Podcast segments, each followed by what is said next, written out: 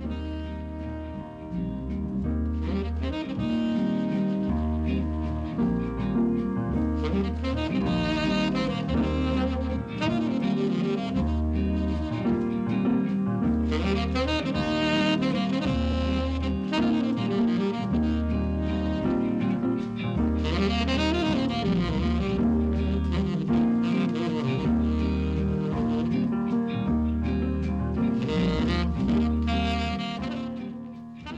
Sæl, morgunvaktin á rás 1 býðu góðan dag. Það er komin miðugudagur 20. og 7. apríl, bara fáinni dagar eftir af aprílmánuði ásins 2023. Klukkunum vantar núna nýju mínútur í sjö og við sitjum hér Björn Þór og Guðrún og fylgjum ykkur inn í daginn. Það er svalt. Það er svalt, er mjög svona bjart yfir allavega hér á höfubrukasvæðinu. Og ég er ekki frá því að það hefur gránaðins í fjöllum hér umhverjus Reykjavík, síndist það á leið til vinnu í morgun. En uh, tökum fram tölurnar frá veðustofunni, yfirlitið yfir veðrið eins og það var á landinu klukkan 6 í morgun og sjáum að það var einstiks frost í Reykjavík, hægur vindur fjóri metrar, skíjað, tveggjastega frost á Kvanneri, tveggjastega frost líka í stikisólmi, heiðskýrt þar, 5 metrar austanátt, þryggjastega frost á Patrísfyrði, tveggjastega frost í Bólungavík, þryggjastega frost á Holmavík, einnig á Blönduósi þryggjastega frost þar, mínus 2 gráður við Söðunisvita, einnig tveggjastega frost á Akureyri og Snjójél klukkan 6, nánast logg. Þryggjastega frost bæði á Húsavík og á Rauvarhöfn og fjórastega frost bæði á Skeltingstöðum og á Eilstöðum. Stafalogna á Eilstöðum, skíjað. Við höfum ekki tölur frá höfni Hortnaferði en mínus þrjár gráður á Kvískerjum og mínus tvær gráður á Kirkjubæðarklustri. Þryggjastega frost í Árnesi en einsteg siti á Stórheðaði Vesmanægum. Austan 8 metrar fór í 12 mestu kviðu og á hálendinu er frostið frá 6 stegum og uh, neyri 9 stega frost. Svona viðræði á landinu klukkan 6. Og það er kannski bara mjög skynsalegt að búa sig með þokklega vel að hann að fara á stað í dag og reykvikingar með eiga, eiga vonu snjókomu svona undir hádegi en þannig hún stoppar nú vart lengi við, það er nú ekki það svalt. En uh, spáin gerir aðfyrir því að það er semst norðan og norðaustanátt í dag og stöku jél eða skúrir austalands og suðvastan til en annars allviða bjartviðri. Dáliti rigninga að slitta við suðvestu strandina í dag, stöku jél, austalands en annars léttskíð. Og það verður svipa viður á morgun en úrkomi minna, engum um landi suðvestavert. Og hittinn 0-7 steg yfir hádægin. Mildast vestalands en víða nætufrost og það verður kaldast í insveitum norðaustan til.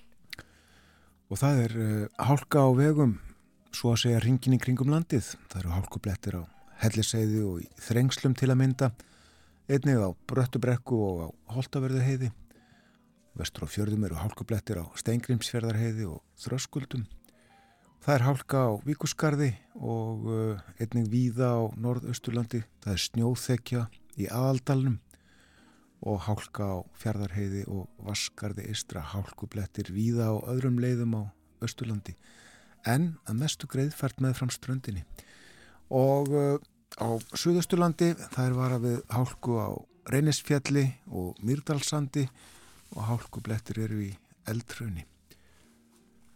Svona eru aðstæðunar í landinu. Þetta er svona, já, hann var kannski bara svo góðu vanur undanfatna daga. En þetta klárast. Það er líka alveg að koma á mæ. Mæ, já, hann uh, kemur á mándaginn, fyrsti mæ á mándaginn. tal og tónar á Dasgrá morgumvaktarinnar þennan morgunin og uh, hér er uh, fyrsta lagið í dag.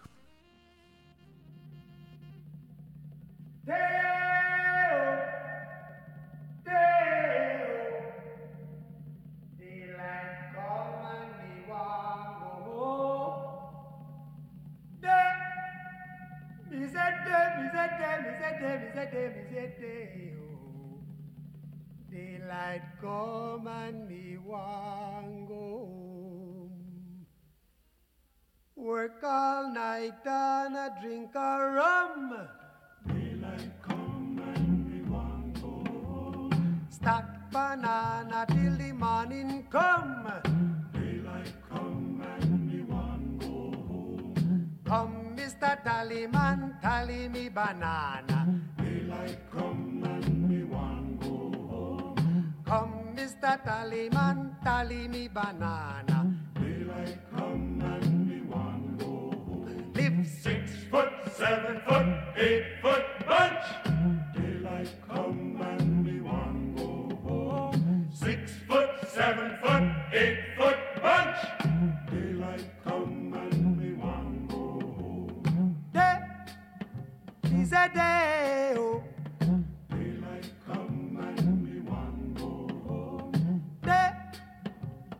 A day, a day, a day.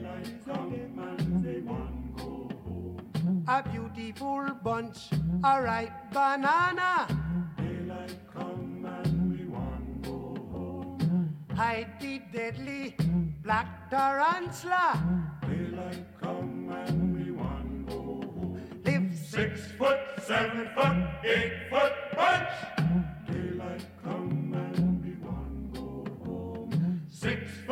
seven foot, eight foot bunch. Daylight come and we want go home. Day is a day, oh. Daylight come and we want go home. Day is a day, is a day, is a day, is a day, and we want go. Come, Mr. Tallyman, tally me banana.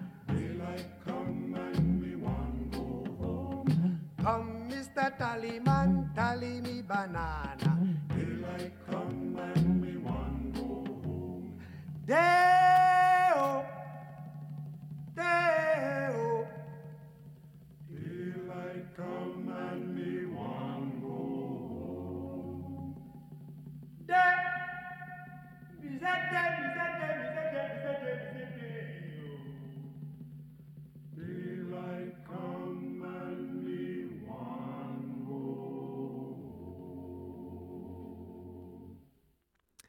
Þetta var Harry Belafonte sem söng hérna fyrir okkur, hann lést emitt í gær en þetta er lægið The Banana Boat. Day O eins og það hefur líka verið nefnt. Og þetta er frægasta lægi hans held ég. Þetta var tekið upp 1955 en gefið út 1956 Einstakur söngvari og listamæður Harry Belafonte. Já, hann kom með mitt hinga til lands. Hann var mikið fjallað um það í fjölumilum í gær. Kom hinga sem velgjörða sendi herra UNICEF Framöndin eru fréttir kom eftir um, einu og hálfa mínútu eða svo við förum ítalið við darskráð þáttarins þennan morgunin eftir fréttinnar. Lítum í blöð og fleira, fylgið okkur endilegin í daginn.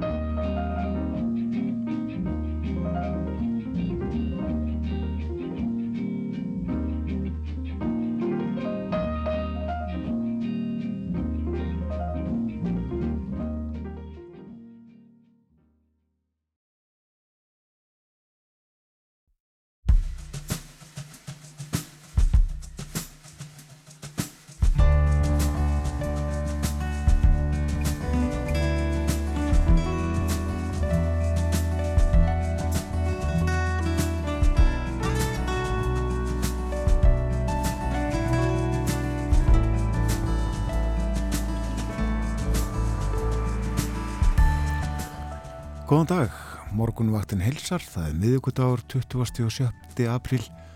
Umsjónamenn þáttarins eru Björn Þó Sigurbjörnsson og Guðrún Haldanadóttir. Við förum víða í dag, bæði vestur um haf og til Danmarkur og við verðum líka neðasjávar. Já, byrjum bara þar. Með sérstakri ákvörðun stjórnvalda eru nú kjarnorkuknúnum orustu kafbátum bandaríska sjóhersins heimilt að hafa stutta viðkomi við Ísland til að taka hér á móti kosti og skipta um áhöfn.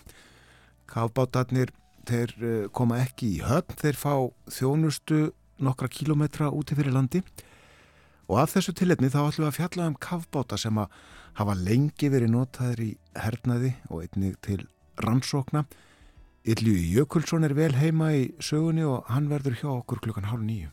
Og það sérstök staða upp í danska þinginu þessa dagana vegna þess að fjárlega frumarp ásins er núti meðferðar. En reglan er jú svo að, að samþykja beri fjárlög áður en að nýtt árennur upp. En Borgþór Artgrímsson segir okkur hvernig staðan er á þessu og fjallar um eitthvað fleira dansti hérna eftir morgu frétti klukkan átta. Og svo fjöllum við um Íslandst mál og þróun þess meðal vestur Íslandinga. Við flettum nýjútkomni greinasafni um efnið sem að byggir á rannsóknum og aðtugunum fjölda fólks til okkar koma Birna Arbjörnsdóttir, Höskuldur Þráinsson og Úlvar Bragason. Þau verða hér upp úr hálfóta. Ef við ekki bara kíkja aðeins á veðri en það var svalt í morgun og það verður bara áfram svalt í veðri og víða nætufrost.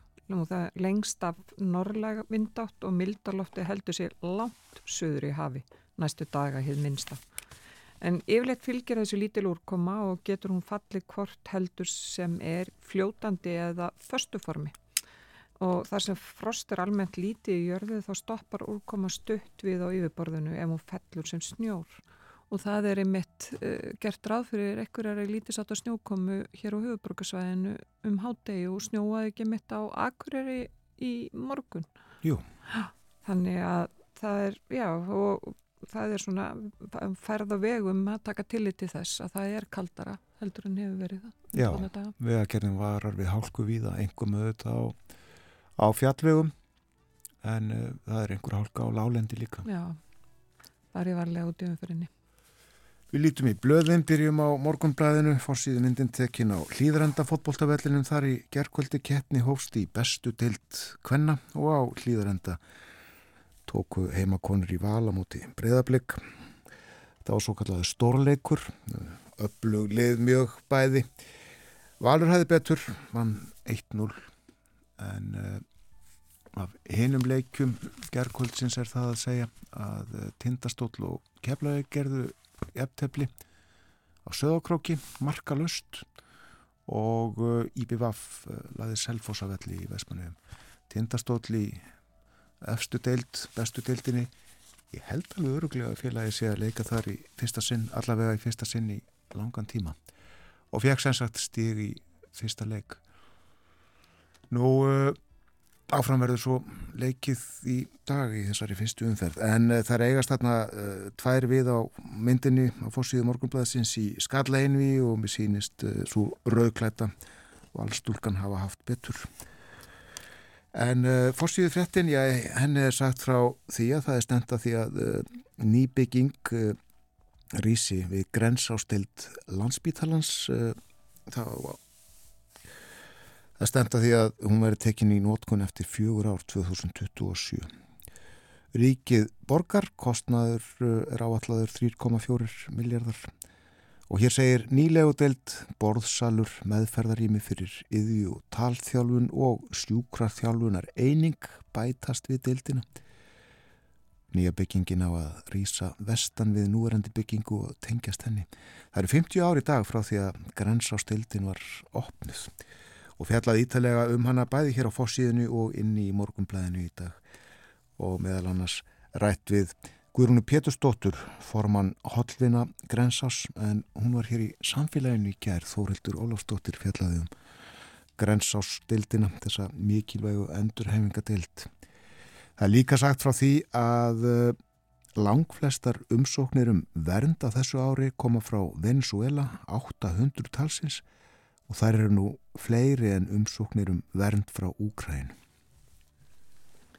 Já, svo að maður í breskublöðunum þá er einhverjum verið að fjalla um tvent. Það er brottflutning breyta frá Sútan og breskir hermenn eru komnir þangað til að reyna að tryggja brottflutning þessar 4000 breyta sem það eru og fyrstu breytandi voru fluttur á brott held ég alveg öruglega í gerð morgun.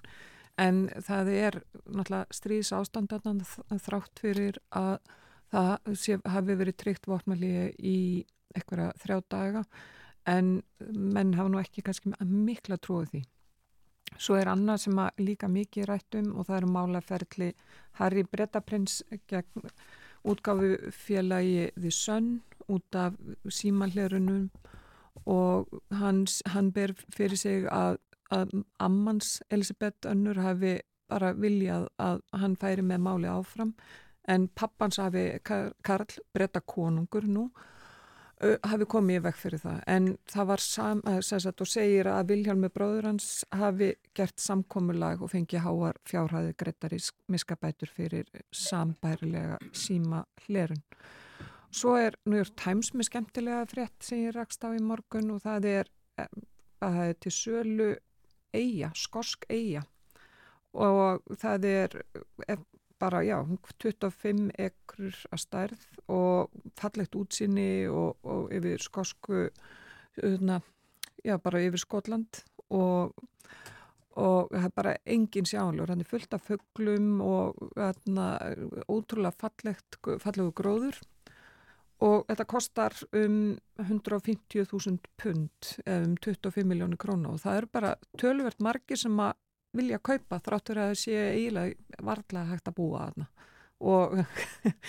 en ótrúlega fallegt útsinni og já og þeir eru að velta fyrir sér hvað, hvað valdi því að fólks er tilbúið til að borga 25 miljónir fyrir eitthvað sem er óbyggilegt en sumir eiga kannski bara meiri pening en aðrir og skandinavisku fjölmiðlarnir fjalla mikið um þetta stóra mál sem hefur verið í, í, í um, fjalla mikið um þetta njósnamál rússa, njósnir rússa á Norðurlöndunum. Og í gær þá voru þættir í sjó, sjómanstöðunum heim fréttaskýringa þættir um þetta.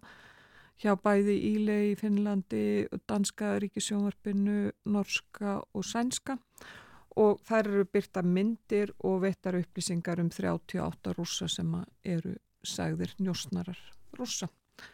Heilmikið, eh, já, mál í raunni má bara segja. Já.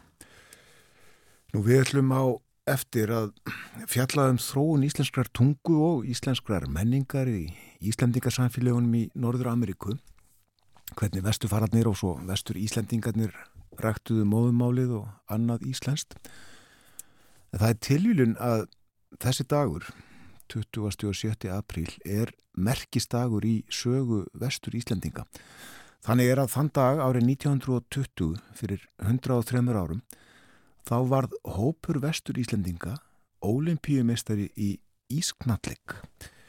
Ólimpíuleikarnir árið 1920 fóru fram í Antwerpen í Belgíu, þetta voru sjöttu nútíma ólimpíuleikarnir held ég alveg öruglega og þeir fyrstu sem að keft var á í ísknattleik eða ísokki og olimpíumeistrartitillin var ekki sá eini sem að sigurverunum hlotnaðist því móti var um leið heimsmeistramót og þeir því heimsmeistrar líka. Nú sjö þjóðir keftu á leikunum og uh, fulltrú í Kanada var félagsliðið fálkarnir frá Winnipeg.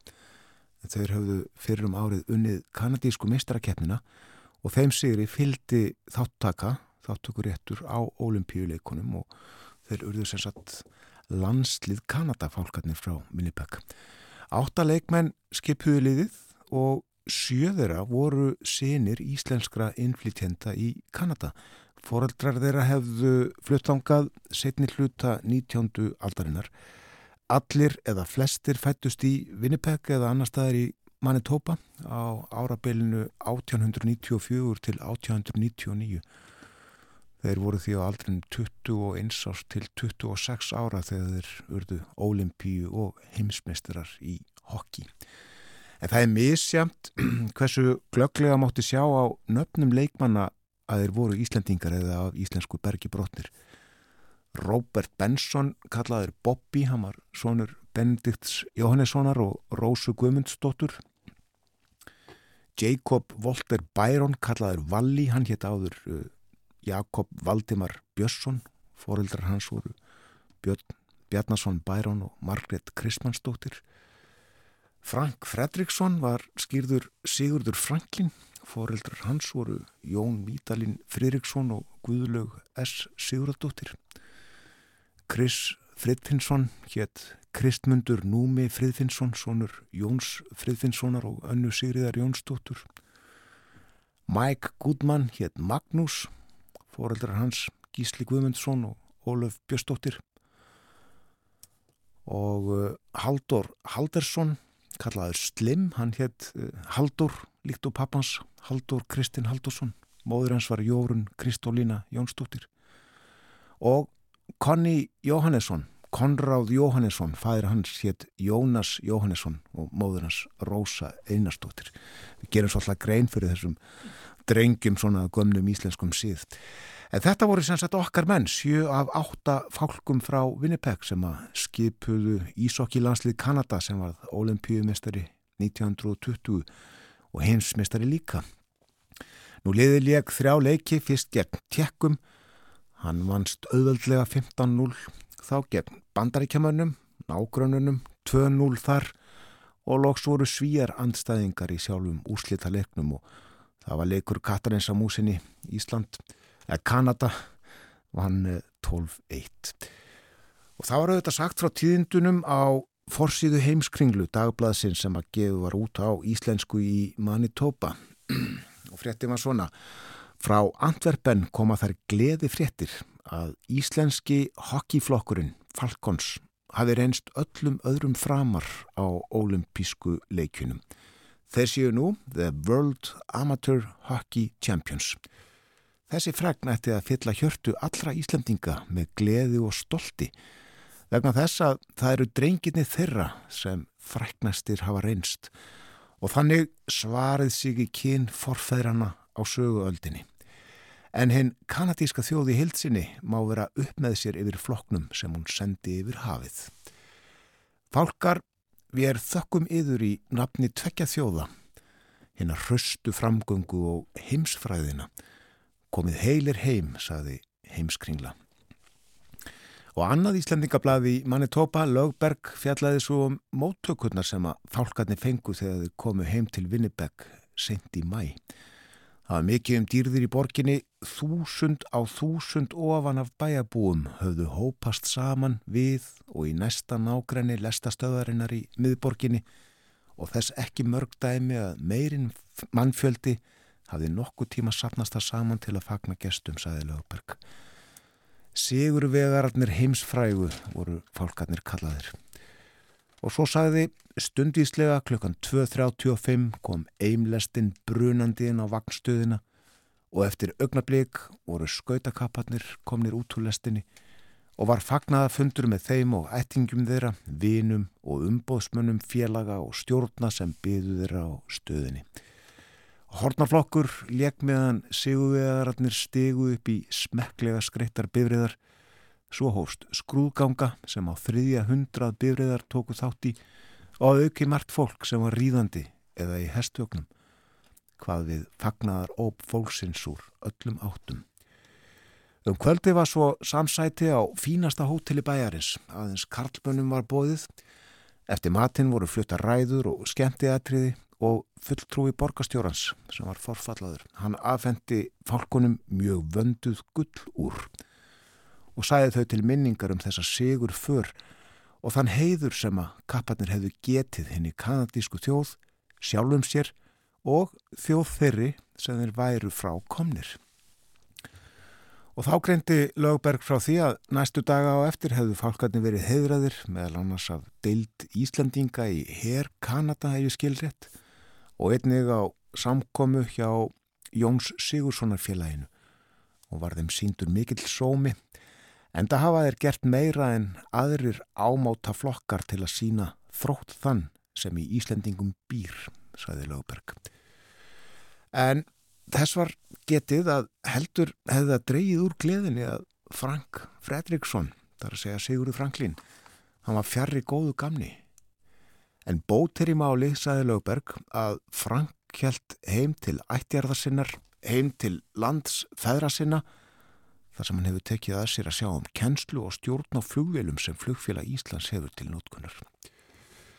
Nú nokkur síðar var svo skrifað um afreikið í verkamannin, blað sem gefur út á Akureyri. Það tók nokkur tíma fyrir fréttinnar að berast hingað. Úslitinn í Leikjunum voru rakin og svo saði sem vonlegt var vöktu þessi úrslit geysi fögnuð meðal vestur Íslandinga, hylla óskarsketu með ringdi yfir sigurvegarana og sjálfsagt hafa viðtökurnar er þeir komu heim ekki verið fúlar þær voru það aldilis ekki við lásum um það á hann og svo saði verkamæðurinn heimskringla flitur myndir af fálkunum og nöfn þeirra en því miður ber enginn þeirra al íslenskt nafn. Við getum glaðst yfir fræð og frama frændavora en Kanada verður heiðurinn. Það er nefnilega það. Þetta, þetta hefur verið aldrei gaman að fylgjast með þessu. Já, uh, aldeilis og það uh, er uh, yfirleitt ekkert gert mjög mikið úr þessu þegar Ólimpíusaga Íslandinga er sögð. Akkurat en uh, þetta voru íslenskir strákar Sigurður og Valdimar Já. og uh, Magnús og hvað er nú héttu þessir uh, kappar hokki kapparnir fálkarnir.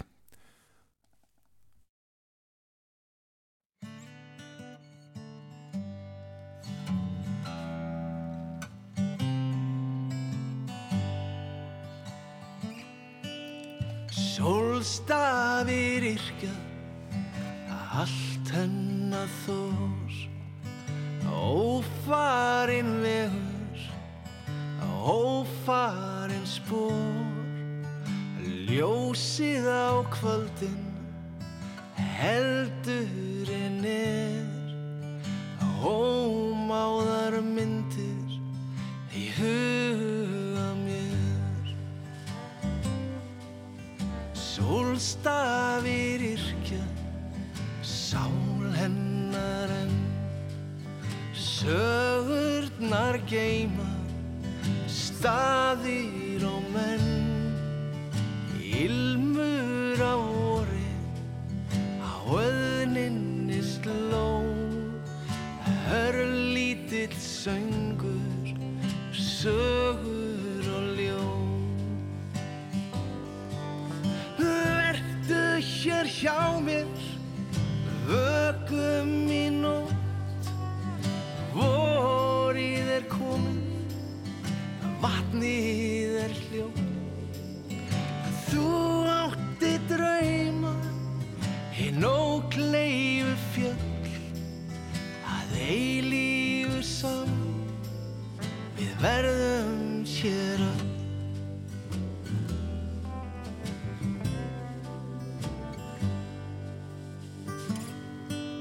Sólstafir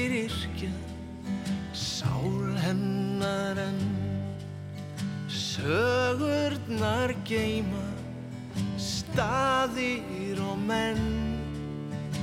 Ilmur á orri Á öðninni sló. Örlítill söngur Rímur og ljó. Vertu hér hjá mér Högum í nótt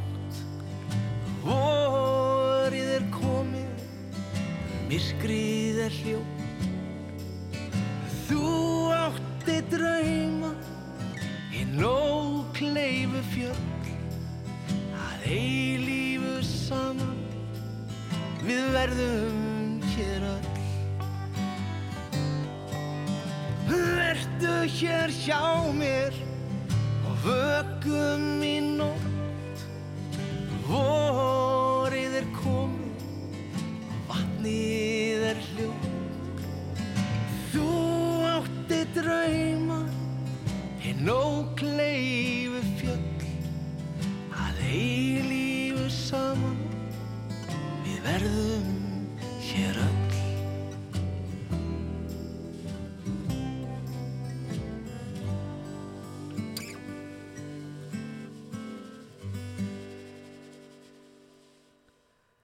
lægi Solstæfir Yrkja eftir Harald Reynisson eða Halla Reynis eins og við þekktum hann kannski best undir eitinu. En þetta er að plutunni Söngur Vestufarans með tíundar tíundaplata hans og jafnfrans og síðasta en hann lést 52 ára aldri í september 2019. En Halli laði grunnina plötunni söngur Vestufarans með mistaraverkefni sínu sem hann vann á árinu 2015 og hafði hugmyndur um að gera meira úr eftir að platan kæmi út. En söngur Vestufarans er verkefni svo áðursæði og, og er beint framvald af lokaverkefni hans í mistaranámi við mentavístasviði Háskóla Íslands.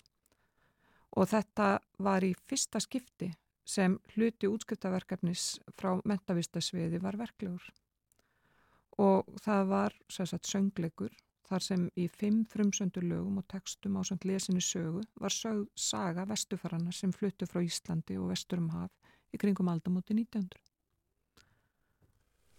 Og minnum við á að uh, hér hjá okkur eftir frettaði litið klukkan hálf átta þá uh, ætlum við að fjalla, fjalla um uh, vestufarana ekki sem slíka heldur um íslenska arfleif þeirra um íslenskuna í Íslendingabygðum, Bandaríkjónum og Kanada og menningu almennt. Það er von á Byrnu Arbjörnsdóttur, Höskuldi Þráinsinni og Úlvari Bragasinni til okkar og uh, við förum ítalega yfir ástæður þess að við fjöllum um þetta hér á eftir. En uh, förum aðeins niður í Alþingi, uh, Þingfundur hersklugan þrjú í dag byrjað á störnum þingsins eins og gengur. Svo fer fram sérstök umræða, eh, áttaði að hún hefist eh, hálf fjögur, sérstök umræða um húsnæðismál og það er málsefjandi Inga Sæland, formadur flokksfólksins og eh, til ansvara innviðar á þeirra Sigurður Ingi Jóhansson. Þetta margt hægt að segja um húsnæðismálinn. Staðan ekki góð, það vantar húsnæði Við nefndum þetta til dæmis í spjalli okkar með Þórði Snæjum efna á samfélag hér í gerðmorgun og ja, eh, þetta hefur verið uh, gegnumgangandi stef í samtölum hér og annar staðar í fjölmjölum nú í bara mörg, mörg, mörg ár. En svo fannst mér líka aðteglisverta sem að Þórði Snær talaði um að það hafi hækkað húsnæðisverð, það hafi ekki lækkað verða á húsnæði í búðum eins og allir voru búin að spá út af stöðu í efnaðasmjölum.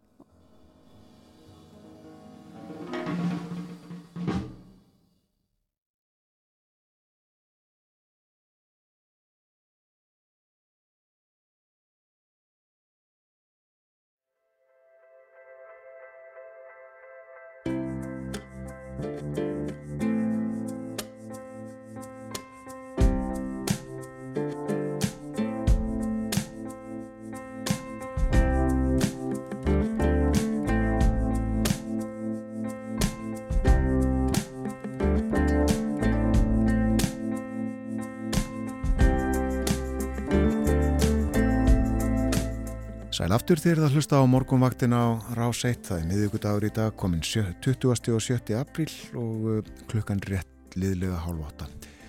Ég minni á að hér eftir uh, klukkastund verður Yllu Jökulsson, gestur okkar, við ætlum að tala svolítið um kavbáta, svona í tilhjörni þess að íslensk stjórnmöld hafa gefið uh, bandrækjumannum leifi til þess að senda kavbáta sína upp hér á yfirbor sjáar eh, rétt úti fyrir strönd landsins út af Suðunessjum og uh, fá þar um borð vistir og uh, skiptaðum áhöfn ef því er að skipta. Og að því tilefni ætlum að tala svolítið um kafbáta Íllu Jökulsson þekkir sögu þeirra bísna vel úr heimstyrjaldunum bæði fyrir og síðari. Og Borgþór Argrímsson verður hér eftir fréttinnar klukkan átta og hann segir okkur frá því sem er efstabögi í Danmörku En uh, nú ætlum við að uh, fjalla um vestur Íslendinga, vestur farir uh, Íslendinga á ofanverðri 19. öld og eitthvað fram á þá 20. stuð, þetta er merkilegur kapli í sögu þjóðurinnar. Fjöldi fólks yfirgaf landið og leitaði betra lífs í Bandaríkunum og Kanada og einni í Brasilju. Það var misjamt hvort og hver mikið fólk helt sambandi við Ísland og ræktaði íslenskuna og íslenska menningu í nýja landinu. En fyrir um áratug stýrðu Birna Arbjörnsdóttir og Höskuldur Þráinsson viða mikillir rannsókn á afdrifum íslenskunar Vestanhafs og niðurstuðunar komu út á bók 2018 sem þau Birna og Höskuldur rittstýrðu á samt úlvar í Bragasinni. Og nú er komið út viða mikið greinasapn á ennsku þar sem að sjá má hvernig mál og menning vestufarana hefur þróast og aftur eru rittstjórarbyrna, höskuldur og úlvar og þau eru komin á morgunvaktina, velkomin og góðan dag. Góðan daginn. Það hefur hæfi eh, áður með tölum um, um þessi mála að nefna fyrst að á fyrstundaginn síðastliðin þá lesti Kanada Daví Gíslason bóndi og skáld frá svaðastöðum í geysisbyði manni tópa. Hann unni í íslenskri menningu og tungu og var mikil svirtur í íslendingastarfinu ytra og ég gerir ráð fyrir að, að, að þið hafið þekkt Davíð það. Vissulega og það er mikill söknuður af Davíð. Og hann var okkur innan handar í þessari rannsók og, og okkur og fleirum því að hann var eiginlega, hvað maður segja, hann sá sem að flesti leituði til þegar að fólk fór í heimsóknum vestur, hann var afskaplega skemmtilegur og fróður maður. Og já, það er mikill söknuður af Davíð. En uh, við ætlum að reyna að fara nokkuð víða hér á uh, næstu 20 mínútum eða svo en kannski til að, að staðsetja ykkur í tíma og rúmi þá langar mig að byggja þig byrna að gera svolítið grein fyrir uh, já, vestur förum og, og vestur Íslandingum. Já eins og þú myndist á að þá hófust vesturferðir hérðan upp úr 1870 og eiginlega má segja að þeim, að, sko, þeim lauka eiginlega upp að fyrra, fyrir heimstyrjaldur hennar. Þannig að þetta já, var frá svona 1872 til 1914 er, er talað um.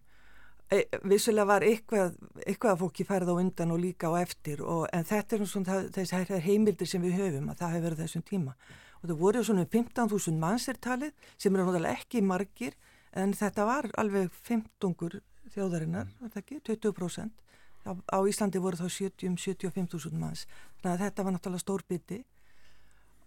Fólkið eh, leitaði nú fyrir sér svona á ymsum stöðum í Norður Amríku, bæði í Bandaríkjanum og í Kanada, en lang flestir enduðu í þarna milli vatna í Manitoba eh, við Winnipeg vatnið og einhverjar, og, og svo í, í norður Dakota, þetta eru svona helstu eh, svæðin þar sem að þetta fólk setti stað. Og miklar íslendingabygðir. Miklar, miklar íslendingabygðir mm. og í Gimli sem er þarna við Winnipeg og allir rétt, hvað allir ekki, einnaði tveir, tekið klukkustund að keisla frá Winnipeg að það er ennþá sagt, svona, þunga miðja íslenskar menningar og þeir eru mjög íslenskir í sér og þeir halda Íslendingadaginn og það er afskaplega gaman að koma þangað og koma þar í Torgesen búðina og Sigurdsson verslinina og, og, og, og við náttúrulega í okkar ferðum þetta var náttúrulega bara alveg ómetalegt hvað þetta fólk einhvern veginn ræk, rækti uppbrunna sinn og rækti íslenskun í sér og það var alveg óskaplega skemmtilegt og það er mjög gaman að koma þarna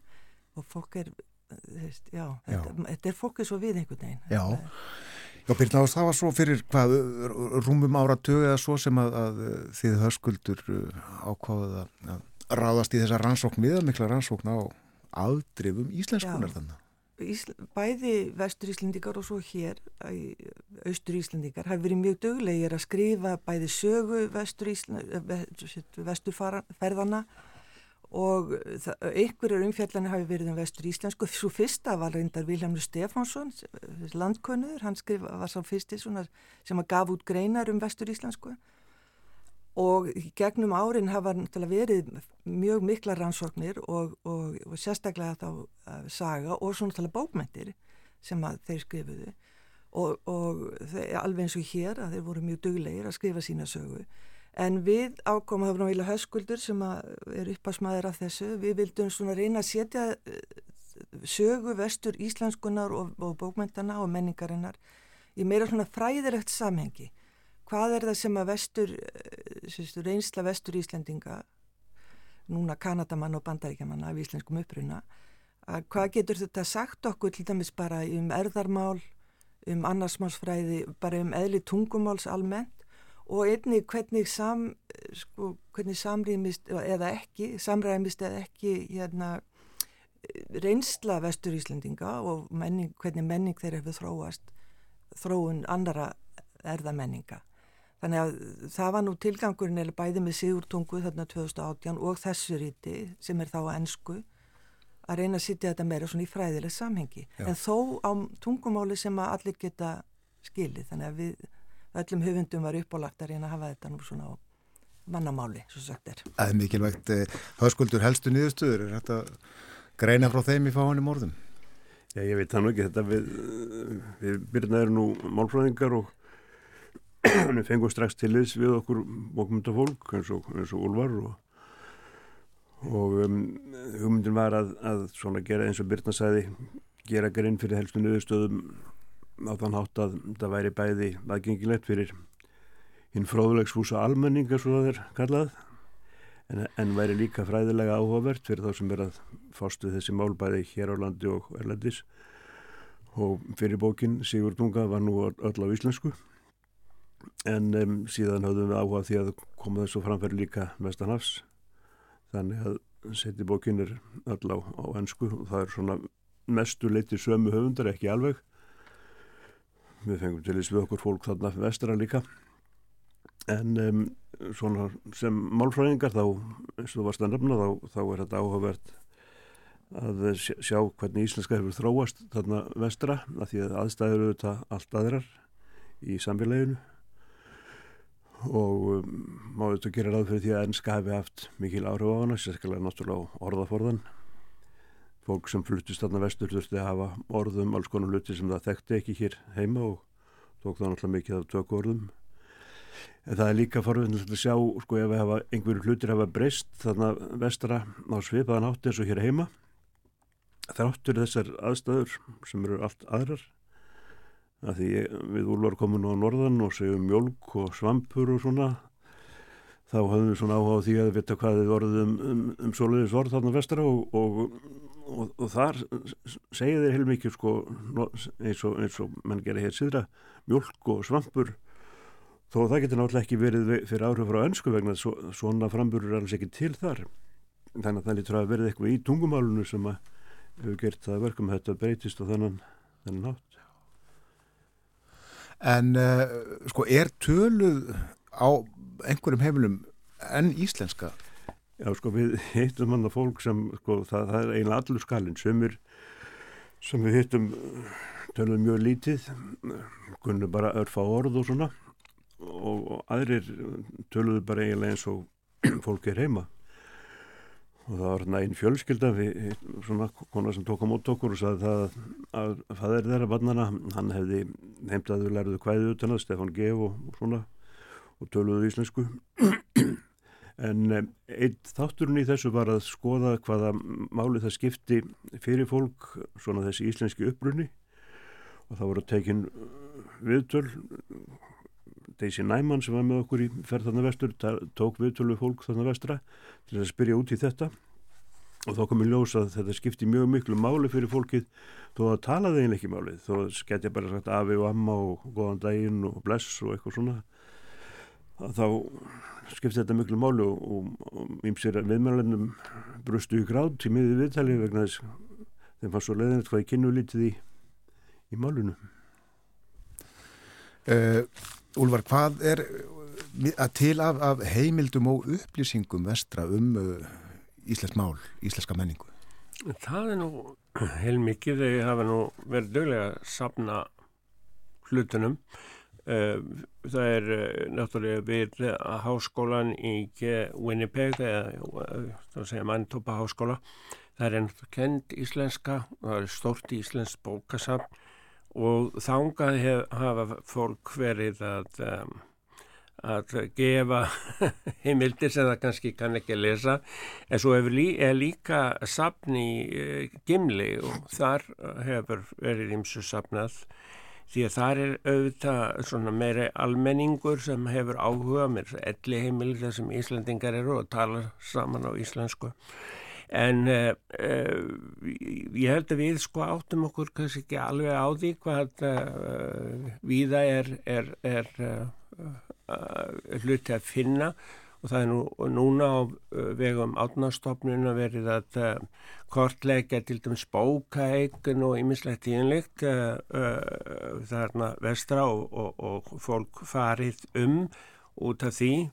Sjálfu var ég uh, svo heppin að komast í samband við fólk þannig sem uh, var afkomendur manns í þing, þingaðarþingi sem fór vestur og ég var að skoða og átti bref frá og þá kom í ljós að þau í fyrsta lagi sem ég held uh, þegar ég byrjaði að þau uh, vissu eiginlega ekkert lengur um uppröðunum sin en það var nú eitthvað allt annað. Þegar ég fór að tala við þau, þau búa öll í bandreikjum uh, vissu gjörla hvað þau voru, þau hefðu með þess að sem komið hérna í heimsókn og farið um þingarsíslu og vissu alveg bæina sem þau voru frá og svo framvegs uh, en síðan kom í ljós að þau sagt, varðveittu hluti eins og til dæmis uh, dagbók uh, langafasins sem hann hafi byrjað að skrifa á Akureyri þegar hann fór þaðan og þánga til að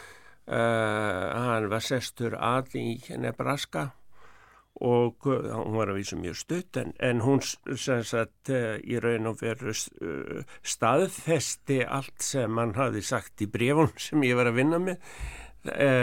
En síðan þegar ennþá var færð að skoða þetta þá kom það í raun og veru í ljós og það sem ég er að skrifa um í þessari bók að auðvitað þurftu vestur Íslendingarnir að fara í stríðið þegar að uh, Wilson um, Woodrow Wilson ákvaða bandarækjumenn tækju þetta í stríðinu og uh, voru kallar í stríðið og uh, svo kom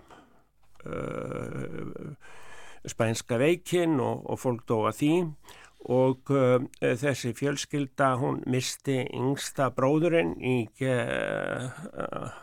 í, í Fraklandi og um, þau hafði verið að reyna að hafa samband við hann þar og senda bref og svo framvegs og fenguð þessi bref aftur. Og uh, þetta hafði uh, sýstir hans öllu safnað saman og síðan hafði þetta gengið mann fram að manni og ég heiti konu svo í Colorado. Þau byggu í Chicago menn hún býr í Colorado. Hún var með þetta allt, hún ljósaði þetta allt fyrir mig og meiri segja hérna mynd af uh, gröf hans í Fraklandi og þannig að uh, þau halda þessu saman og það er kannski uh, mjög uh, æskilegt að við reynum að ennþá meira að komast eh, kannski ekki yfir þetta en allavega kortleggja hvar þessar heimildir eru. Því að við það er ekki fyrir við fyrir að grafa og nú er eins og þetta verið að tala um öll þessi skjálasöfn hér á landi og leggja nýður ímislegt eða samina og uh, Eh, ég held að fólk ofta átti sér bara alls ekkert á því hversu mikið, eh, miklar heimildir þarna eru sem þarf að kortleggja og margt fólk að vinna með og einst þá að eh, hérna, einhvern veginn að reyna að afrita þetta ekki. Það er kannski svo að við getum farið að flytja þetta til Íslands en allavega afrita og vita hverjir eru með þetta. Já einmitt, uh, mikið óunni þar heyr ég, já, komast yfir þetta allt saman.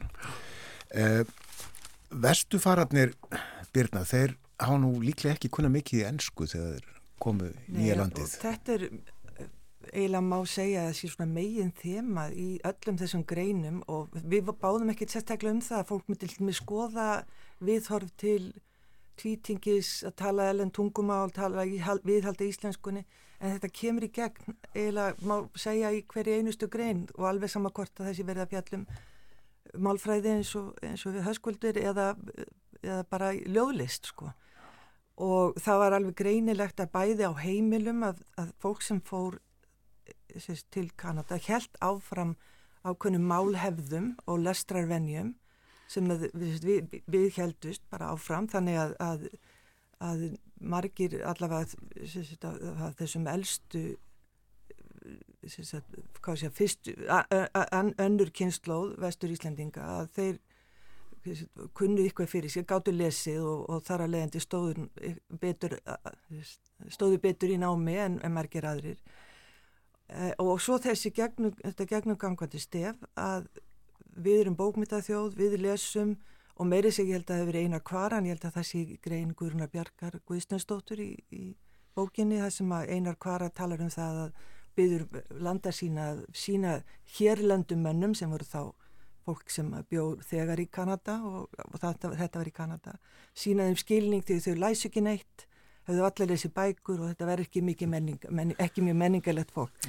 Og, er, þá er ég ekki að segja að fólk hefur verið svona svakalega menningalegt en hins vegar að trúin að fólkið hafi verið menningalegt trúin á að, að, að þau hafi verið bókmynda fólk og bókmynda þjóð hún, eh, sérst, hún gerir sama gagn.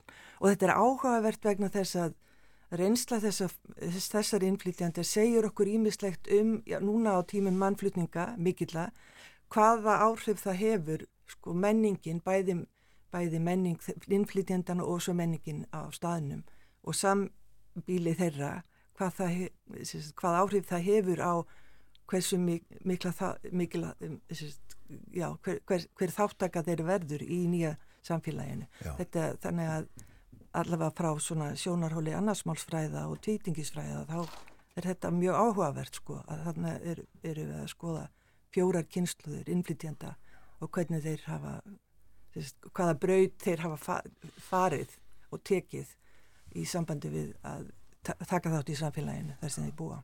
Hörskuldur, má eh, heimfara þessa rannsóknu upp á uh, aðra hópa annar staðar í heiminum, nýtast uh, ykkar niðurstur?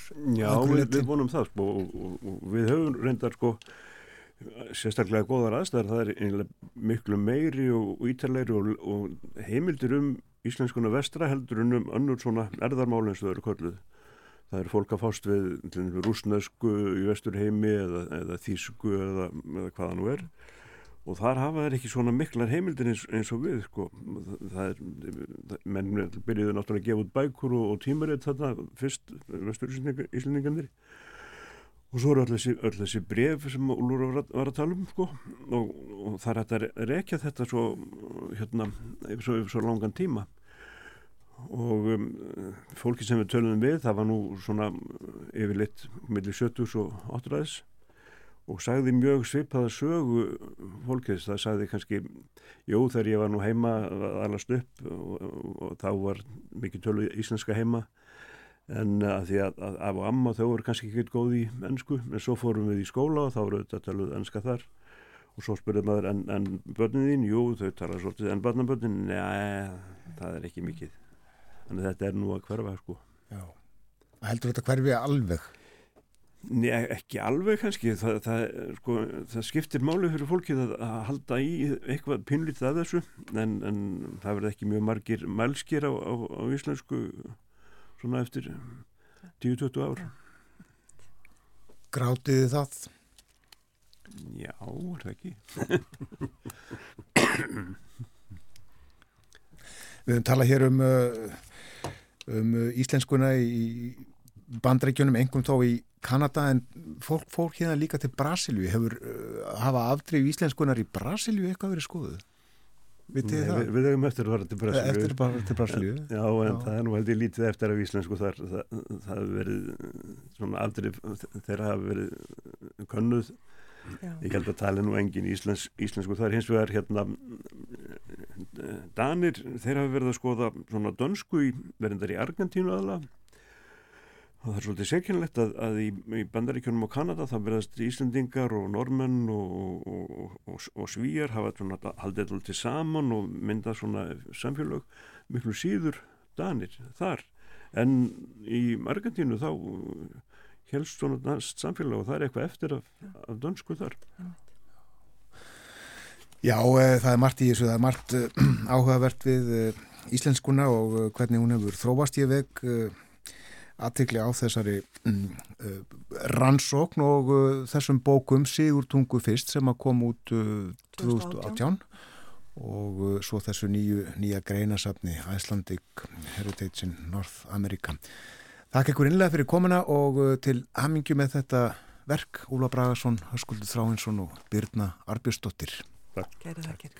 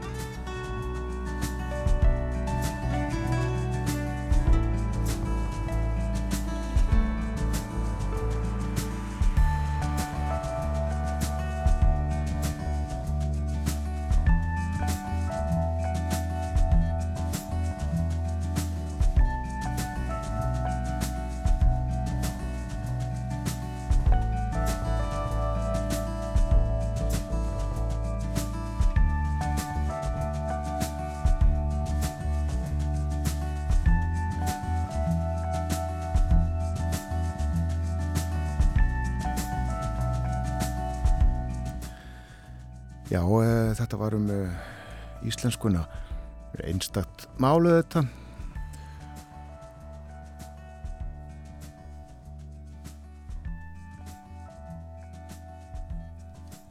Já, eh, fróðlegt að heyra hvað þau höfðu að segja um þessa bók.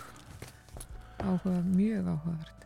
Og uh, í upphafið töluðu við aðeins um uh, Davík Gíslason bónd á skáld frá svaðastöðum í Geysisbyði Manitoba sem að lést í síðustu viku. Egil Helgarsson hitti hann í þáttunum sínum að rétti við hann í vesturfurunum Frettirnar eru framöndan og eftir þær uh, þá ætlum við að dvelja í 15 mínútur eða svo í Danmörku. Já, hann kemur til okkar á Borg Þóra Artgrímsson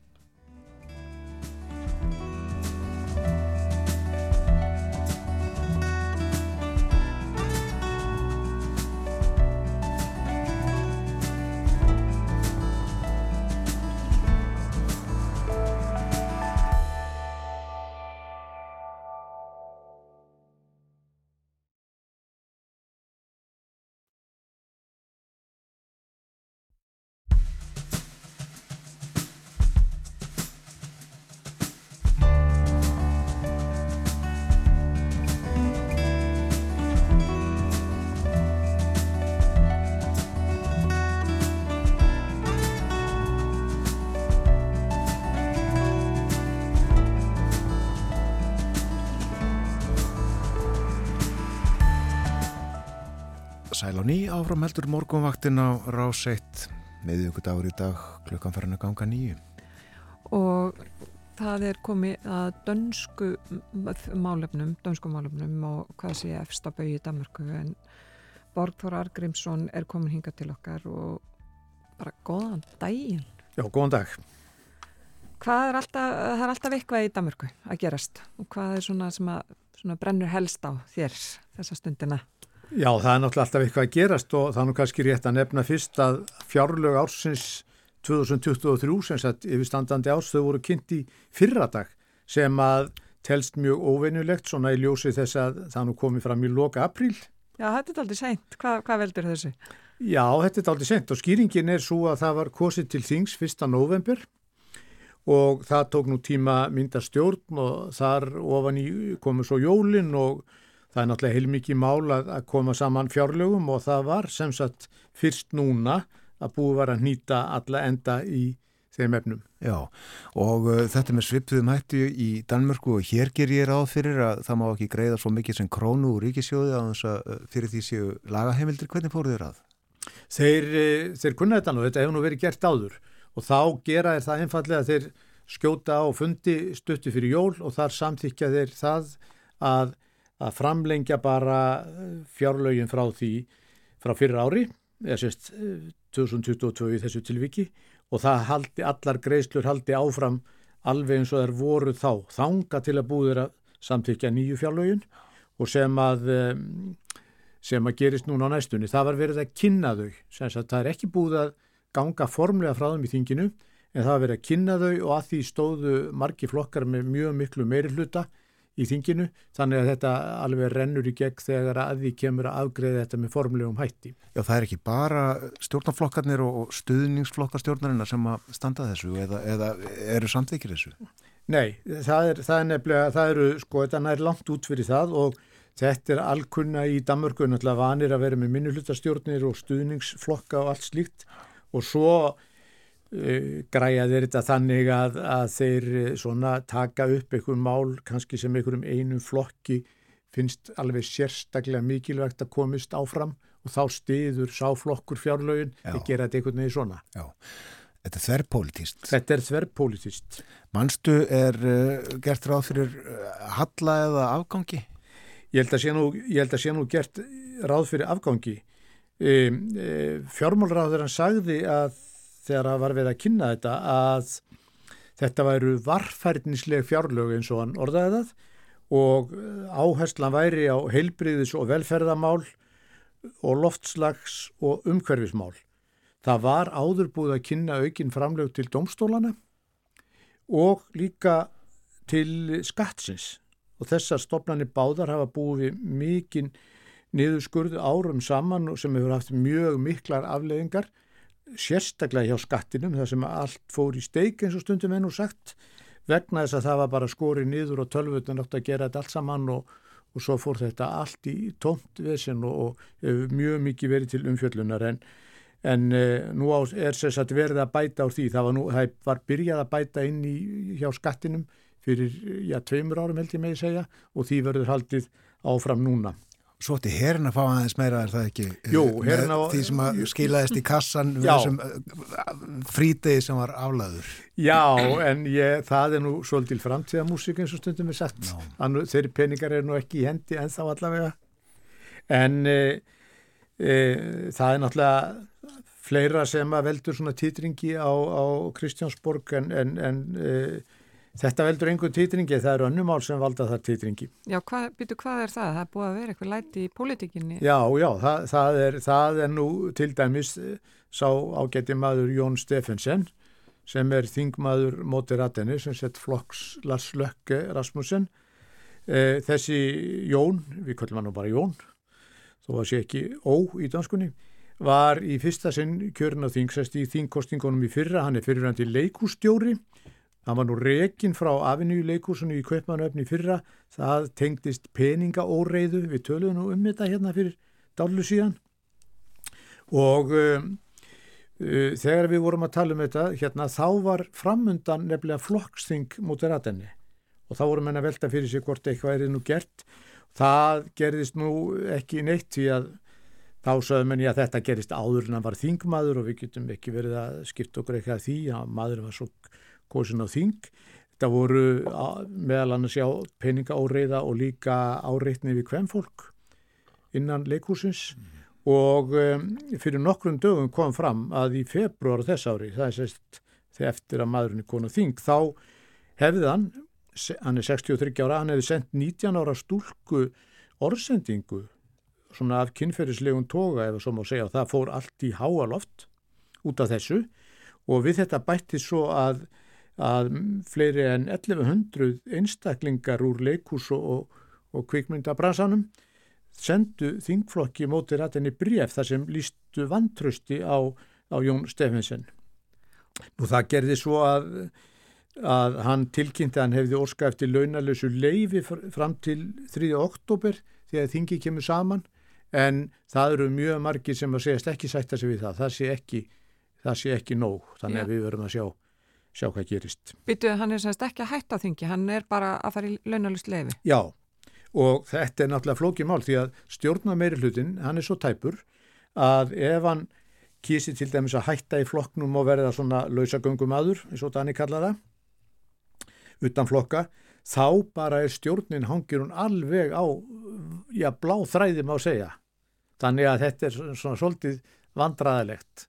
Þannig að að æskilegasta lausnin kannski, finnist mönnum að hann myndi að falla hætt og þá kemi varamadurinn sem að væri þá ekki neitt maður á að styrti stjórnina. En e, við, við verum bara að býða og sjá. Það er sem sagt alltaf eitthvað að gerast og það er náttúrulega mikið rætt núna um rússana og, og uh, þeirra uh, framferði eins og það er nú orðað og uh, um, samningar við færiðinga eru í gildi, þetta veldur reyði í Danmörku.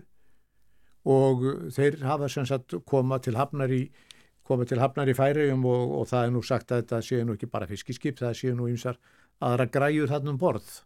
Og þetta á kannski eftir að, að, að vinda eitthvað upp á sig, maður veit það ekki. Eitthvað hefur verið blöðum um búðaþjófnaði í Danmarku? Já, já, það, það og ekki ástæðilusu því að búðaþjófnum hefur fjölgað alveg gríðarlega í Danmarku á, á, á, á allra síðustu bara mánuðum að segja og á fyrsta ársfjörðungi þess árs þá hafði þeim fjölgað um 60% frá sama tímabili fyrir tveimur árum og, og á þessu fyrstu þremu mánuðum núna var tilkynnt um, um 6.000 þjófnaði og menn segja að það sé bara toppurinn á á, á jakanum, þetta sé miklu, miklu meira fyrsta lagi þá, nást ekkit allir og það sé ekkit allt tilkynnt og svo eru allar tilraunir til þjófnaðar og það er, það er farið að læsa inn í skápum eh, sko dýrt nautakjött og, og þess aftar, þetta er bara gengið svo langt. Er öllu steini léttara stólið? Já, það, það bara, það bara líkur við. Vita hvers vegna þetta eru aukist svona? Það er sagt að séu svona þrjár ástæður og kannski er það svo uh, fyrsta þessum þremu sem að veldur þessu núna og það er það að, að það er bara einfallega margi sem eiga ekki fyrir mat og bara eru þess vegna að stila og uh, bara eitthvað til að borða, það er matur sem þeir uh, sækjast í. Svo er það þeir sem að, að stela til þess að selja öðrum og, og afla sér tekna með þeim hætti og svo er það þriði hópurinn sem eru bara spennufíklar, bara, það er bara spennandi, það er eitthvað, eitthvað adrenalín kikk sem við fá út úr því að stila Já. og þetta er, það er farið að um, uh, það er farið að hérna loka inn eins og ég sæði alla mögulega hluti, ekki bara úr og, og, og, og ringi og þess aftar og eftirlis, sko 2018 þá samþykti ríkistjórnin lög sem að heimiluðu vestlunum að deila með sér myndbands upptökum mm. og, um, og hérna eftirlistofnun upplýsingamála hún vildi ekki samþykja þetta. Svo það mætti ekki deila þessu nema í lokuðu kerfi. Og þetta segja að kaupmenn að koma í vekk fyrir að þeir geti miðla upplýsingu sína á milli svona með ellugum hætti. Og uh, þó að ráþæran hafi nú sagt, þetta var samtíkt sem slögum þetta, þá er þetta ennþá stopp og hefur ekkit gerst. Það er eitthvað svona persónuvenda sjónamið sem Já, það, eru, það, er, það er eitthvað svoleiðis og uh, núverandi dónsmálráð þegar hefur líst yfir að hann muni skoða þetta mál og hann hafi fullan skilning á þessu og maður veit nú svo sem ekkit hvað það uh, hefur að segja. Nei, búðaþjóvar hafa uh, rétt til persónuvendar. Já, já, já. en þetta lítur nú samt af eitthvað áhrif að verðlag. Já, já, já, auðvitað endar þetta hjá kunnanum sem, sem borgar, kunnanum sem borgar. Það, það leiðir alveg sjálfu, stóra aukið eftirlit og, og búðir hafi verið að fjölga eftirlitsmönnum sem eru bara röldið um búðinni alla daga og allt kostar þetta náttúrulega peninga sem að fara bara beint einhvern veginn út í verðlæðið auðvitað. Já, ekki gott.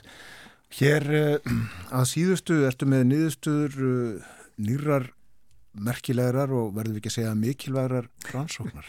Jú, þetta er alþjóðlega rannsók sem að Danir tóku þátti og stóður endar fyrir. En, en það voru margar þjóður aðrar. Og við Íslandingar teljum nú svo sem okkur lengi hafa vitað niðurstöðu þessar rannsóknar. Það var sem sagt niðurstöðan var svo að það er gott að sofa við opin glugga. Já, Já. Gott. Uh, og uh, vísindamenn hafa sem sagt staðfest að það sé gott að hafa góða rifu á á glugganum á, á nóttunni. Og þetta var rannsók sem tók til á annað hundra heimila bara í Danmarku og náttúrulega í öðrum löndum líka.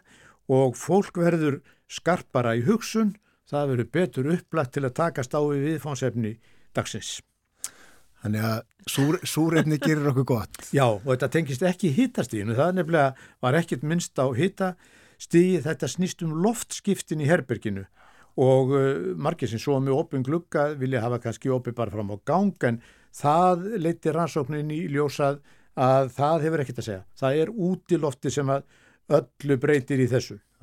Og hvernig taka danir þessu? Er þeir ekki freka mikið fyrir að hafa allt loka og spara þannig kynding og kostnæðin? Jú, jú, það er náttúrulega ókomið í ljós. Það er nýbúið að byrta þetta og um, það sko, það er ekki gott að segja vegna þess að þetta ráðleggingar yfirvalda þær eh, passa ekki við þetta. Þar er bara sagt að loka glugga og lofta út tvissar á dag og, og vísindamenninir náttúrulega er ekkert að spá í sko þessa hlýðina hvað, hvað stjórnveld segja um sko ramarskostnaðin, kyndingakostnaðin þeir eru bara að horfa á áhrifin á, á líkamlega og andlega velíðan en við höfum lengi vitað þetta auðvitað Já. Já, heldur betur og stiði þetta allarleið. En, en það er komið að danska laginu? Danska lag dagsins, já, það heitir Sotan Nóen som oss, fólk svona eins og við, myndum við kannski síða þetta. Höfundur og flytjandi er, er Pól Krebs, hann er nú þekktur tónlistamæður í heimalandin og mjög vinsell og upptakan er frá árunnu 1995. Takk fyrir þetta Borgþór, takk. Takk svo mjög leis. Kom lige og sæt dig, kom lige og læg dig, kom lad mig mærke dig igen. Kom lige og hold mig, hold lige lidt om mig, kan vi sige vi starter herfra, nu min ven. Været ude i universet Som to satellitter hver sin vej. Men heldigvis så er vi landet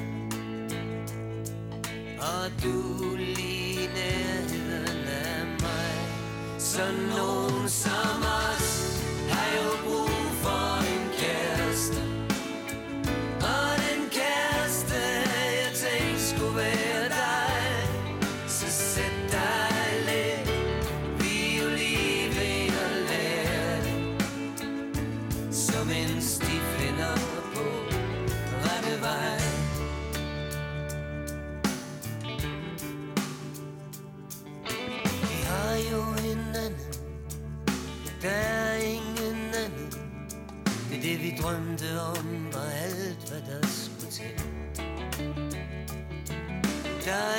diskotek der er ingen der udleverer.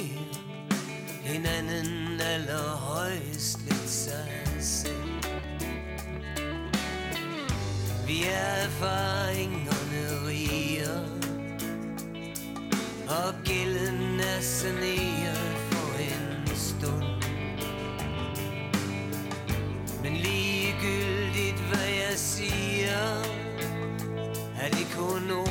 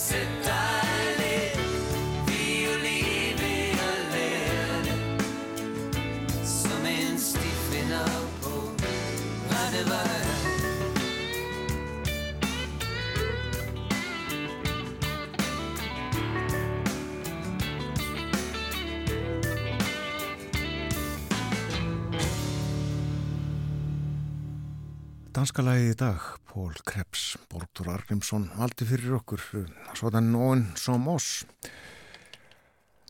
Ég minni á að hér eftir fréttaði litið sem að kemur eftir 7 minútur uh, fyrir við undir yfirbor sjáar með Illuga Jökulsinni. Hann ætlar að segja okkur frá kafbátum. Vitt og breytt þekkir sögu þeirra vel og uh, tilhætti það að uh, íslensk stjórnvöld hafa heimilað bandarískum að láta bandaríska orustu kafbóta koma hér upp upp á yfirborðið það sem að uh, framgeta farið áhafnaskipti og uh, kostur tekinum borð og ímstætt fleira. Var í frettunum í síðustu viku við förum yfir þetta betur á eftir. Hér eru veðurhorfur dagsins fyrir fólk sem var að vakna norðan og norðaustan 3-10 metrar á sekundu í dag og stöku jél eða skúrir austalands og suðvestan til Annars allvíða bjartiðri. Dáli til rigning eða slitta við suðvestuströndina í dag. Stöku jél austalands, annars léttskið. Og svipa veður á morgun en úrkomi minna yngum um landið suðvestanvert. Og hiti í dag 0 til 7 stig yfir hádægin, það verður mildast vestanlands en viðanætu frost kaldast í innsveitum norðaustan til.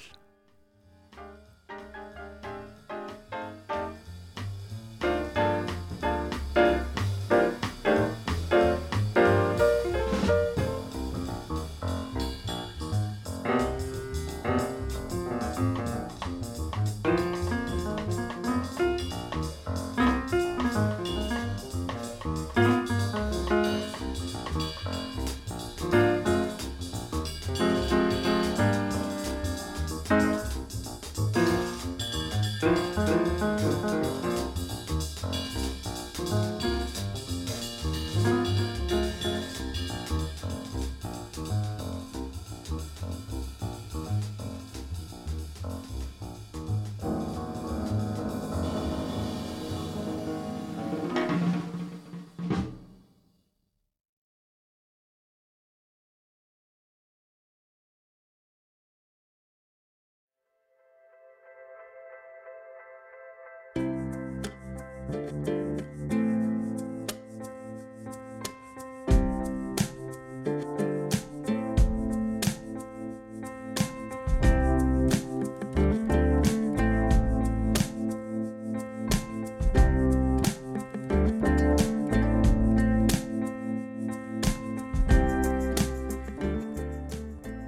Sæl aftur þér að hlusta á morgunvaktina á Rás 1. Nú voruð fjallað um kafbáta. Tilefnið er að orustu kafbátum bandaríska sjóhersins er nú heimilt að hafa viðkomi við Ísland til að taka á móti kosti og skipta út áhöfn. Bátarnir verða þjónustæðir á hafi fáina kílometra frá landi úti fyrir suðnisjum þeir koma ekki í höfn. Kjarnorku bátarnir eru knúnir kjarnorku en bera ekki kjarnorku vopn. Það var ekki einfalt að heimila þessar viðkomur. Máli var kynnt í ríkistjórn og utreikismálanemnd alþingis og þjóðar öryggisráð upplýst samráð var haft við stjórnvöld í nágrannaríkjum og sérstakar verklagsreglur útbúnar í saminu utanríkisráðunettisins, geislavarnaríkisins, landhelgisgæslunar og ríkislauruglustjóra. Kábátar hafa lengi verið notaðir í hernaði til árása og eftirlit svo kannski lengur en fólk almennt átta sig á. Þeir voru notaðir í fyrri heimstyrildinni sem hófst 1914. Ylju Jökulsson, reytöfundur, hefur skrifað mikið um stríðin bæði fyrri og síðari styrjöldina og þá ekki síst um kafbáta og skip. Velkomin í þáttin Ylju. Þakka þið fyrir. Já, kafbáturinn er nefnilega bísna gömul uppfinning. Já, hann er það.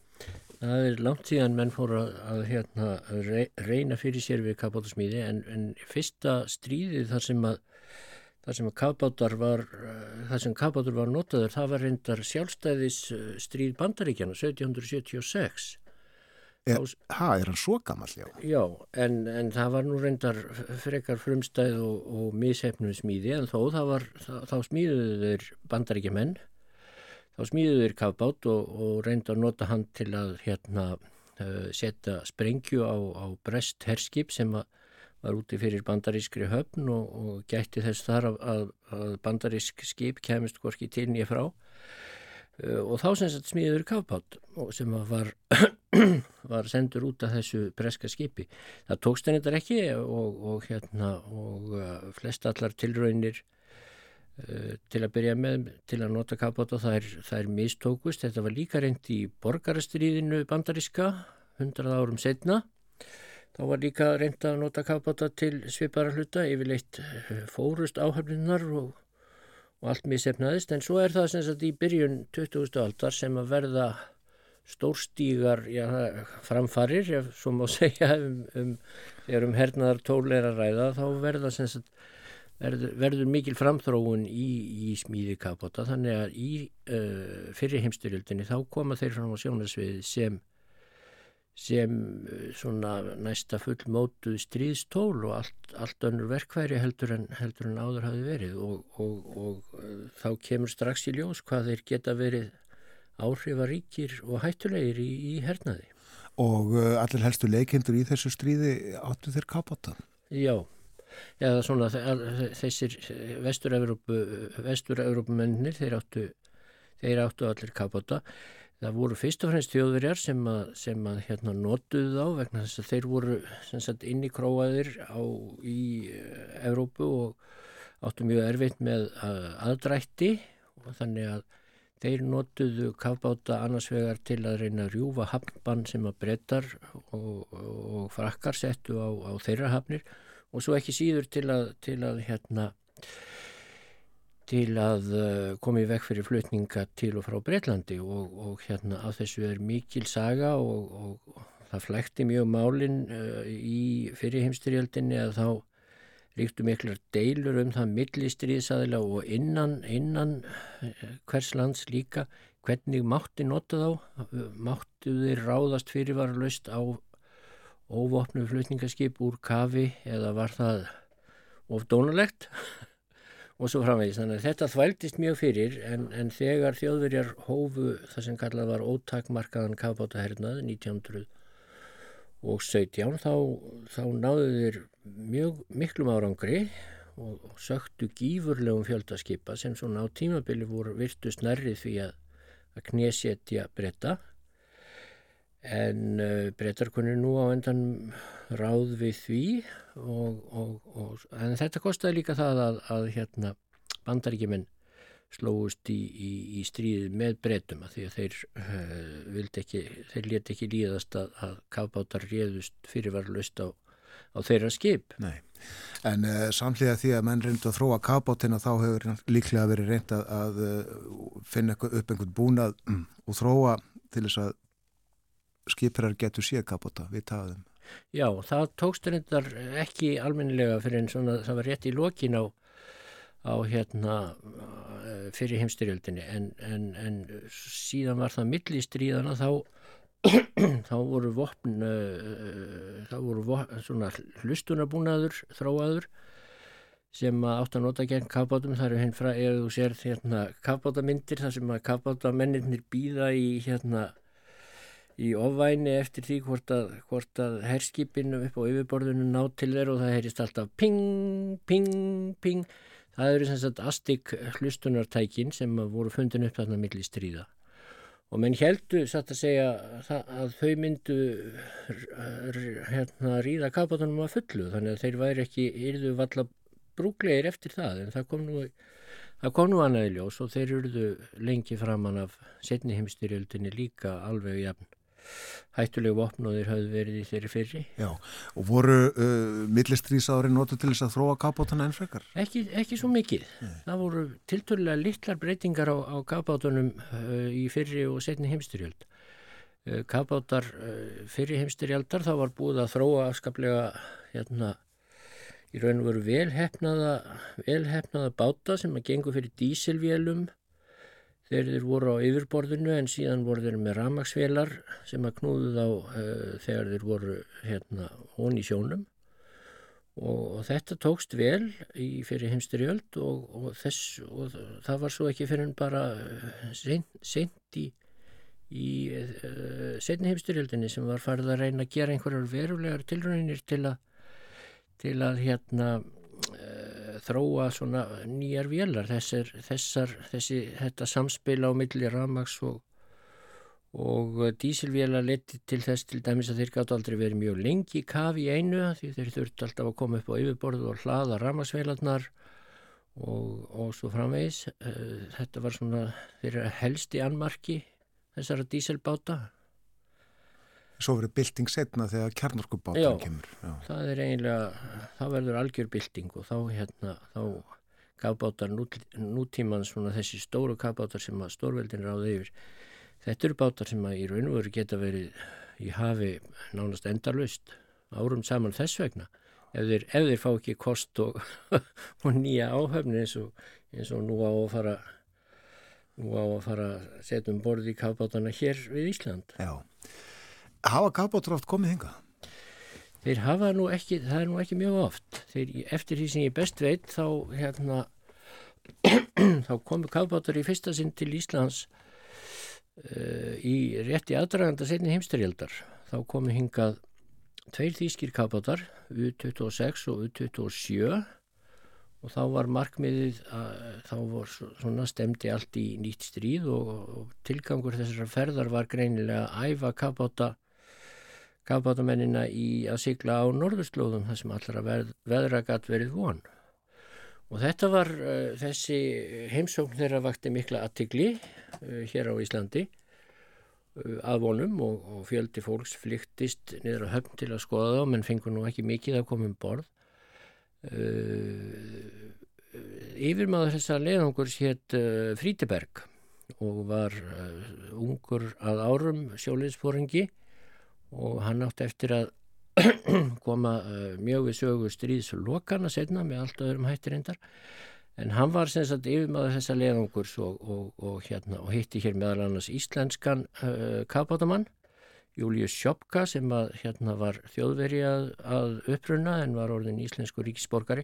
Hann hafði verið uh, þýskur kapátamæður í fyrirheimsturjöldinni og og er að því mikil saga ég bjórendar til bóku upp úr endurminningum uh, sjópka fyrir, fyrir nokkrum árum þar sem, að, þar sem ég segi þá sögu alla.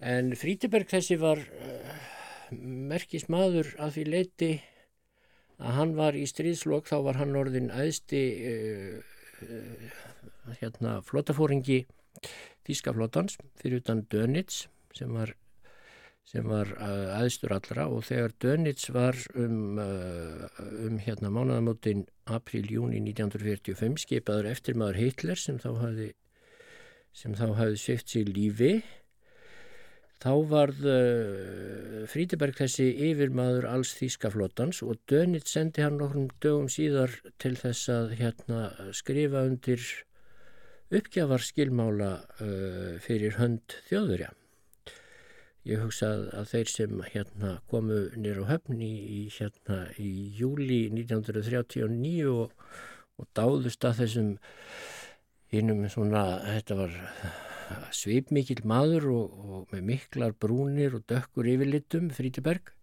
og ég hugsa menn hafa nú ekki búist við því að það er hans hlutskipti sex árum setna að skrifundur uppgjöf uh, þjóðurja.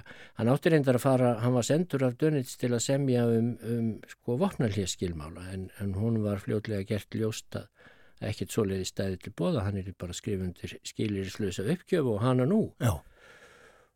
Og svo, svo þurft, það þurfti að skrifa fjórun sinnum undir svona, til að allir fengi að vera með og Frítiberg fór þennan leiðungur, hann flakkaði um uh, í Vestur-Öðurpú og skrifaði undir uppgjöf þjóðverja fjórum sinnum alls og með honum uh, skrifaði undir menn eins og Montgomery, hérna Marskálkur, herrfóningi Bretta og, og Georgi Sjúkov, herrsöðingi Rúsa og þetta var uh, Frítiberg ansi mikil raun, hann var stórkostlega, hann var mjög ringlaður og, og, hérna, og miður sín í lokin þegar hann var búin að fara þennan rúmt allan og hann skildi ekki í því okkur, hann fannst allir vera svo dónalegir við sig.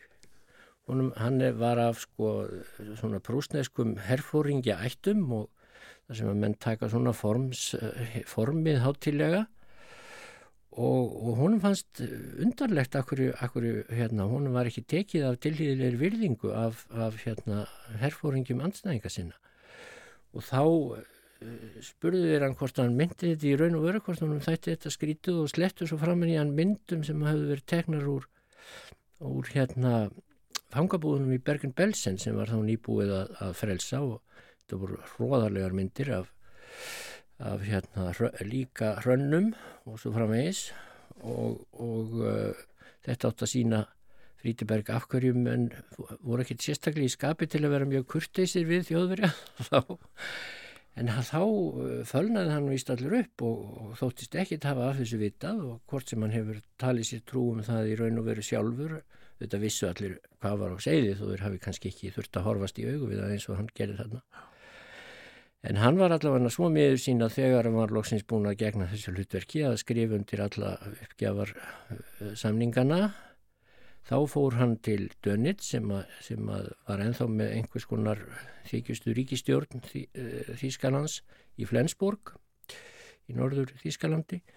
Og uh, þegar uh, Frítiberg frétti þar nokkrum dögum setna að hann er í handtekinn grunnaður um stríðsklæpi að því að Þýsku kapátanir voru gerðnan það var gerðnan talað um að þeir um stríðsklæpi í sambandi við, við þeirra harkalegustu árásir Uh, Frítiberg hefði sjálfsagt verið síknaður af öllum ákjærum en, en hann gæti ekki horst í augu við það að, að þurfa að standa sem sagborningur í, í hérna í stríðsklæpar réttarhöldum þannig hann svifti sér lífi, tók blásýru og, og hérna fór, fór í enginnsbúningin sinn og, og dó svo undir, undir mynd af, af uh, sínum leðtóa Dönitz.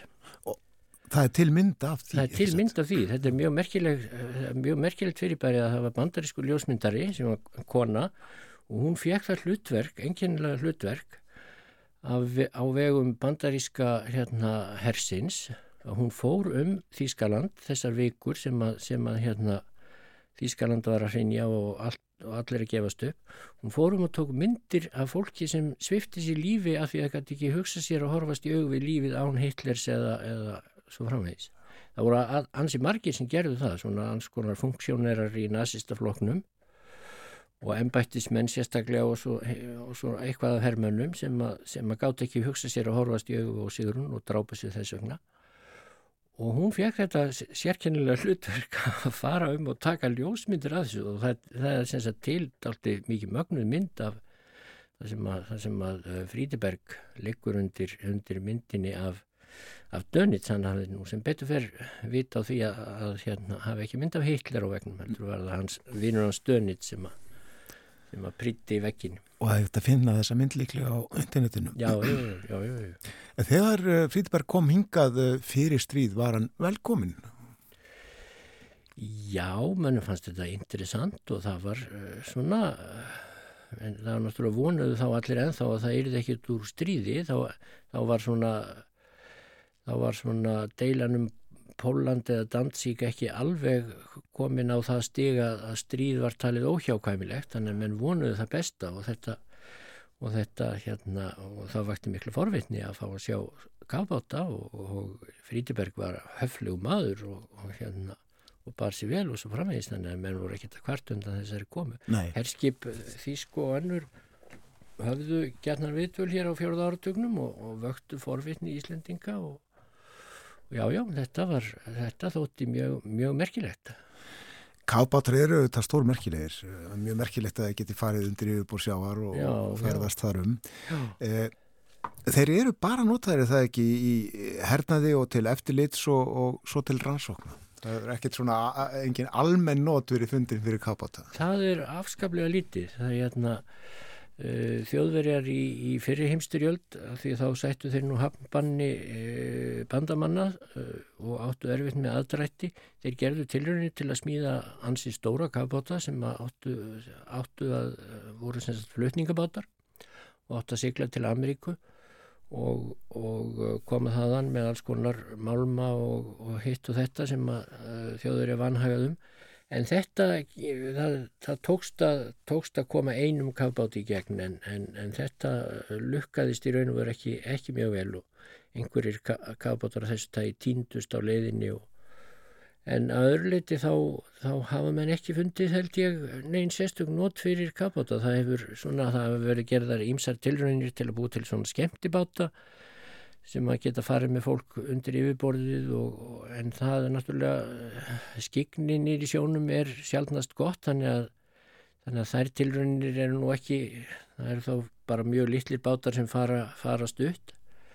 En nei, svo er það, svo er það, það eru rannsóknir og hernaður fyrst og fremst og náttúrulega það er allt önnur, allt, það er allt önnur ella þessir rannsóknir kafbátar en, en, en þeir eru að verða sífelt öflugri og fara dýbra og, og, og hafi mitt upp á síðkastið verið, menn hafi verið að finna alls konar stórmerkileg skipsflög og alls konar gerðsemar á margra, margra kílometra dýpi með svona ímsum kapátum, ekki, þeir eru ekki allir mannaðir einu sinni, það er hérna, það er náttúrulega ágætt að, hérna, smíða kapáta sem geta verið ómannaðir þannig menn þurfi ekki að hafa áhyggjur af, af því að halda lífi á mönnum, í, á mönnum í, í hérna á margar kilómetra dýpi.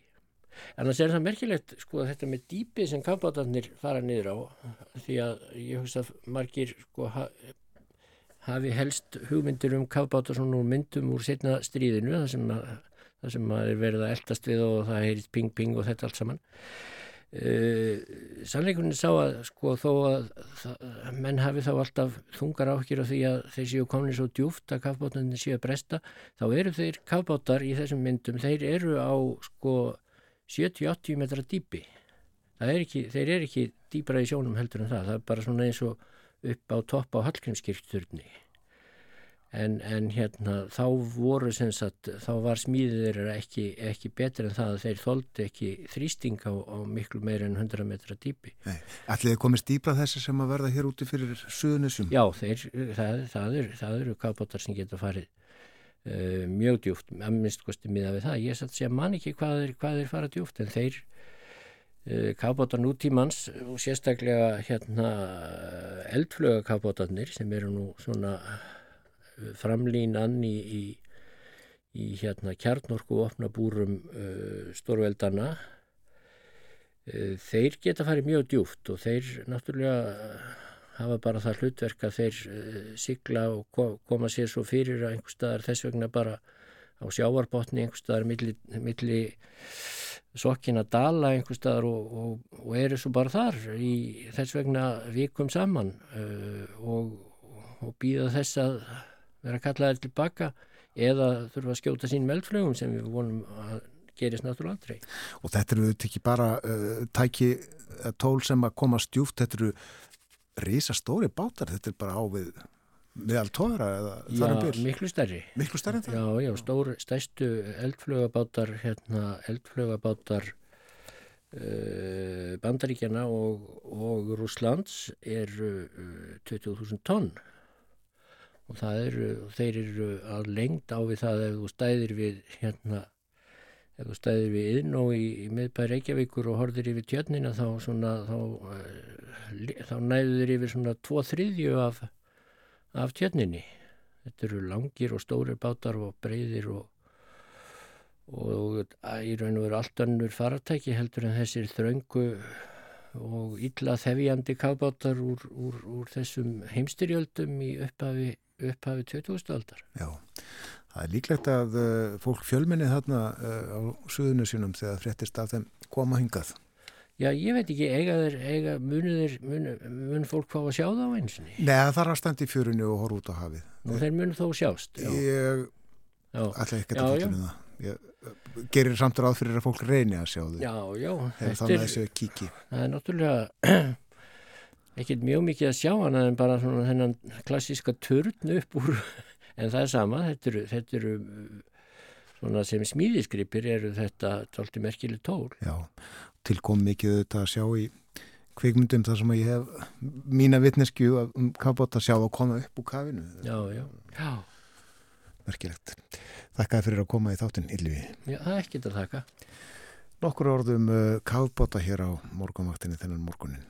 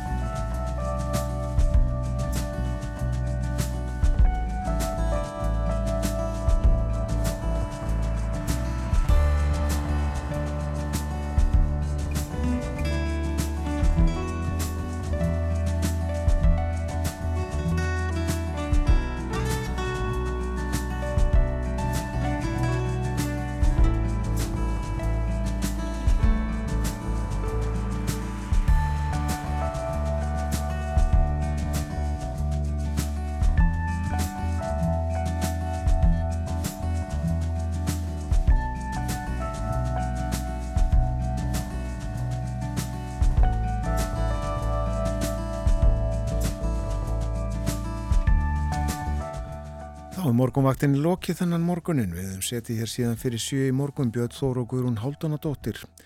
Yllifi Jökulsson síðasti. Gestur okkar við spjöldluðum um kafbáta.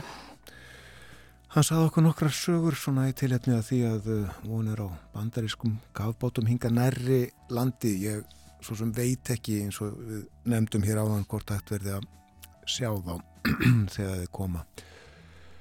En... Uh, Borgþór Argrímsson var líka með okkur í morgun, fór yfir uh, það helsta sem er á segði í dönsku samfélagi og svo snemma í morgun að tala um íslenskuna og þróun hennar í Íslandingabygðum í Kanada og Bandaríkjunum. Þátturum verður á sínu staði fyrramáli, þá verður Bói Ágússon með okkur, uh, sest við heimskluggan upp úr hálf átta við uh, þakkun samfélgina vonið að njóti dagsins verði sæl.